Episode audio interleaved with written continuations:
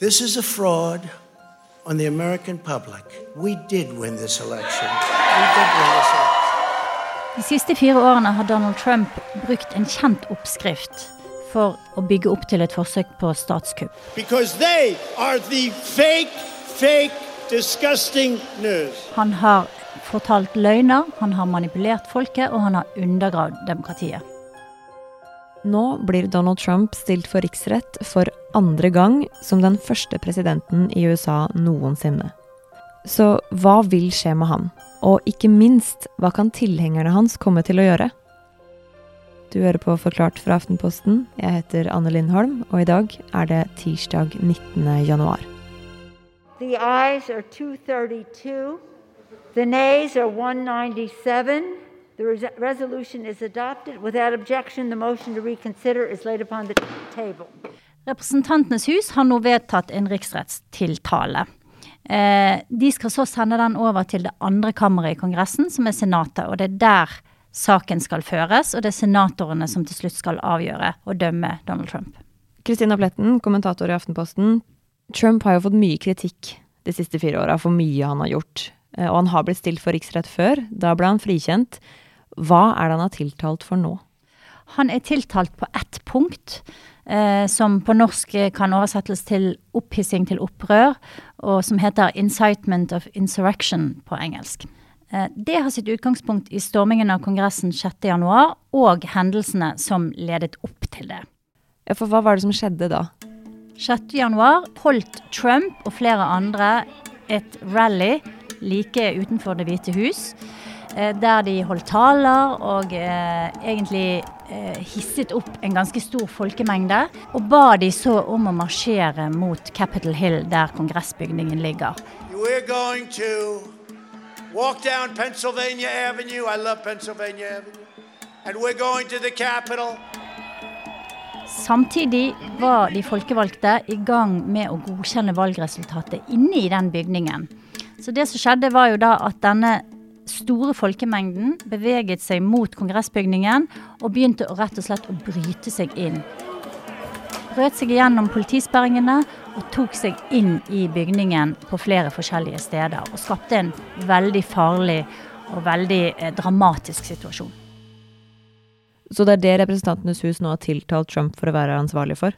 De har tiltalt han for å være ansvarlig for å ha oppmuntret til denne handlingen. Altså at han burde ha visst at når han holdt en sånn tale, og for så vidt også når han har drevet i to måneder og fortalt at valget har blitt stjålet, og at hans tilhengere må forsvare og ta tilbake landet sitt, så har han eh, direkte oppfordret til vold gjennom den ordbruken han har brukt, og de virkemidlene han har tatt i bruk. da. Men Donald Trump er jo president i bare én dag til. Hvorfor stiller han for riksrett nå, da? Eh, jeg tror at demokratene, og også en god del av republikanerne, føler at dette var så alvorlig at det ikke går an å la være å tiltale han eller å reagere på et eller annet vis. Eh, de håpet jo at visepresident Mike Pence skulle bruke det 25. grunnlovstillegget, som gir regjeringen rett til å avsette presidenten. Det gjorde han ikke, og da var dette den eh, muligheten som sto igjen for å, å, komme med en offisiell reaksjon fra Kongressen. Og så skal man huske på at det var jo kongressmedlemmene selv her som var ofrene også. Det var de som satt under pultene og eh, skjult i, i, forskjellige rom og måtte ringe til sine kjære og, og, og nærmest ta farvel. Så det var fryktelig dramatisk, og det tror jeg også selvfølgelig spiller en, en stor rolle, da.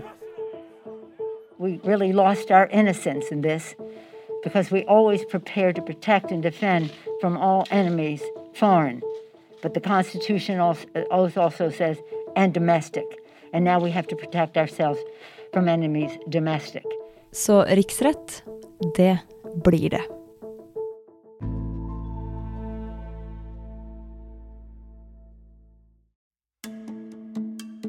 Kristina, nå stilles Donald Trump for riksrett, og hva er det som skal skje da? Det som skal skje nå, er at det blir en sak i Senatet som ligner litt på en rettssak, men som ikke er en rettssak. Det er en politisk prosess. Og da skal senatorene være dommere. Og så kommer høyesterettsjustitiarius inn og leder saken. Og så vil man kalle inn vitner og se på beviser, og sånn som man vil gjøre i en vanlig domstol. Så det er både en rettssak og ikke en rettssak. Og så skal det sies at dette her har bare skjedd et par ganger før. Så det er veldig lite presedens for hvordan, hvordan, det skal foregå. Og det vil avhenge veldig av hvordan den nye demokratiske ledelsen i Senatet velger nå å legge det opp. Ja, for forrige gang han ble stilt for riksrett, så var det en republikansk ledelse av Senatet. Hvordan kommer det her til å bli annerledes? Ja, forrige gang var det republikanerne som ledet Senatet, og som egentlig var veldig motstandere av at det skulle være riksrett i det hele tatt. Men de er nødt til å ta opp saken, så de kjørte det bare gjennom i full fart. Kalte ikke inn noen vitner, hørte ikke noen beviser, og eh, frikjente han eh, veldig kjapt. Eh, nå vil det jo være demokratene som leder Senatet, og det vil dermed være de som tar avgjørelsene på hvordan saken skal eh, føres. Og det kan jo f.eks. føre til at faktisk Trump selv blir innkalt som vitne.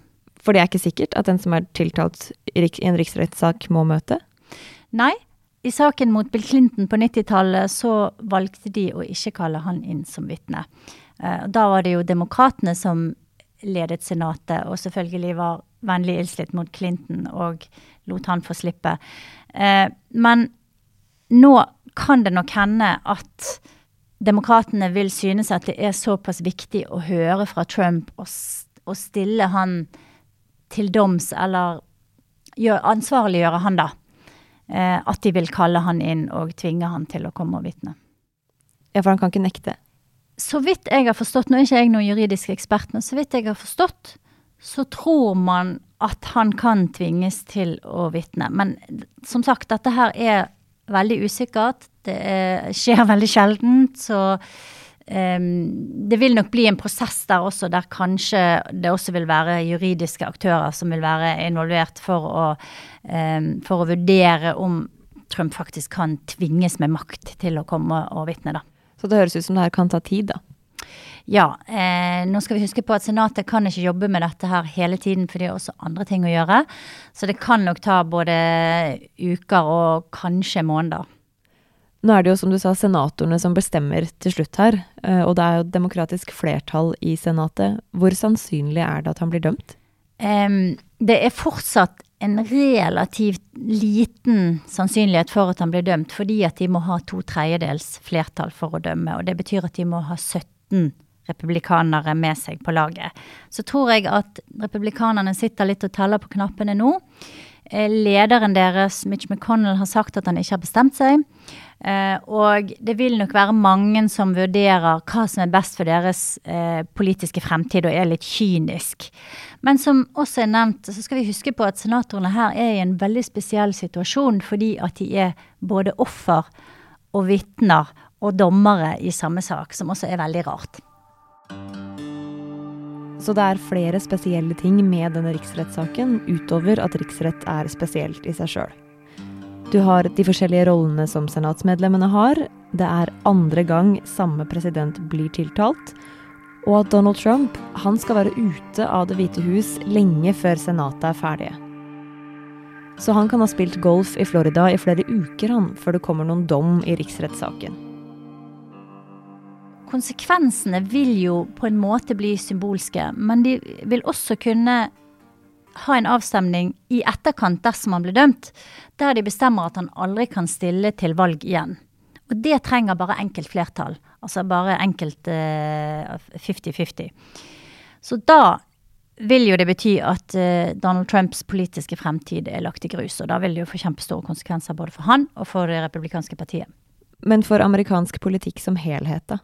Kanskje den viktigste konsekvensen av dette her er at man setter en presedens. Altså man lager en modell for fremtiden som forteller noe om hvordan man vil reagere hvis dette skjer igjen, eller hvis det blir tilløp til sånne ting igjen. Så det fungerer jo, i hvert fall ment å fungere også eh, som en avskrekkende faktor. Eh, og som en veiledning for fremtidige medlemmer, av Kongressen på hvordan de skal reagere da. Så det vil få en viktig betydning historisk. Både når det gjelder det politiske, eh, den politiske balansen og også eh, hvordan man ser på eh, presidentens rolle, da. But we faced difficult times before in our history. I know we'll get through this one, but together. That's how we get through it together. Og nå skal jo Joe Biden ta i ed som USAs neste president i morgen, så det her skjer jo omtrent samtidig. Hvordan vil riksrettssaken påvirke overgangen til Biden? Vi vet ennå ikke når demokratenes leder Nancy Pelosi velger å sende over denne tiltalen, men når det skjer, så vil det jo ta mye oppmerksomhet. Og eh, demokratene har foreslått at Senatet kan bruke halve dagen på riksrett og halve dagen på eh, andre ting, som å godkjenne Joe Bidens kandidater. Så det vil vi kanskje se de neste dagene, da. At eh, man får en sånn deling der eh, den ene delen fortsatt vil handle om Trump, mens den andre delen av dagen vil handle om Biden. Og hvordan vil det påvirke overgangen til Biden politisk, da? Noen har jo vært redd for at det skal ta oppmerksomheten vekk fra Bidens agenda, det han har lyst å gjennomføre, det han har lyst til å ha fokus på. Mens andre mener at det også er viktig at demokratene markerer eh, og fullfører denne riksrettsprosessen, og at det også er en del av prosessen med å få Biden inn, da, at man på en måte tar et oppgjør med det som har skjedd. Men det er klart at det vil påvirke eh, Biden, bl.a. fordi at han må ha hjelp av Senatet til å få på plass ministrene sine. Han må ha helseminister, han må ha finansminister, han må ha forsvarsminister. Alle disse tingene bør på plass så snart som mulig. Så det vil jo få en praktisk betydning for den nye regjeringen fordi at Senatet blir opphengt i og opptatt med denne riksrettssaken. Ifølge en meningsmåling hos Washington Post så er det sju av ti republikanere som mener at Biden ikke er den rettmessige vinneren av presidentvalget. Og uansett åssen riksrettssaken går, så har Trump en gjeng med veldig dedikerte følgere.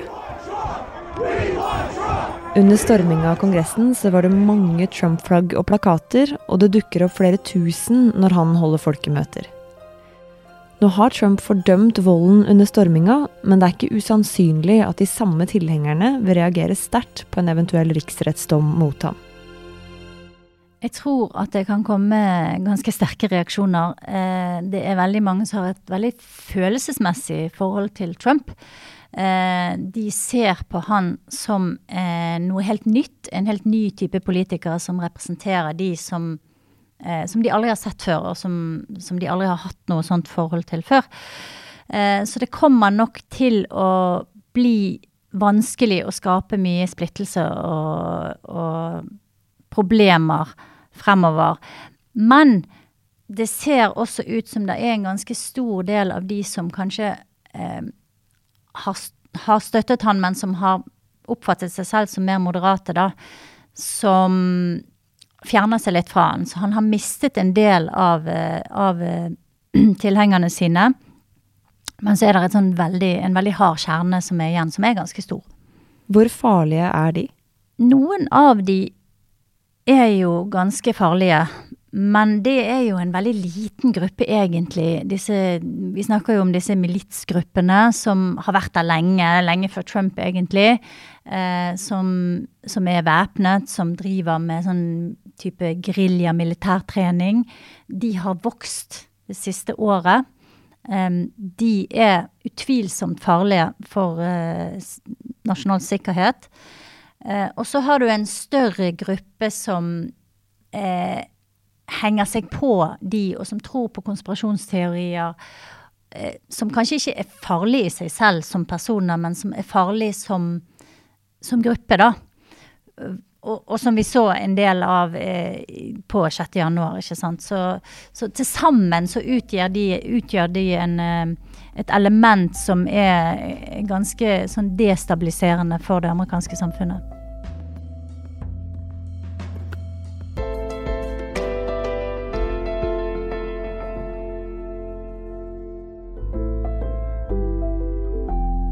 Denne episoden er lagd av produsent Ina Swann og meg, Anne Lindholm. Resten av Forklart er Caroline Fossland, Marit Eriksdatter Gjelland og David Vekoni. Du har hørt lyd fra nyhetsbyrået AP og Juken Media via AP.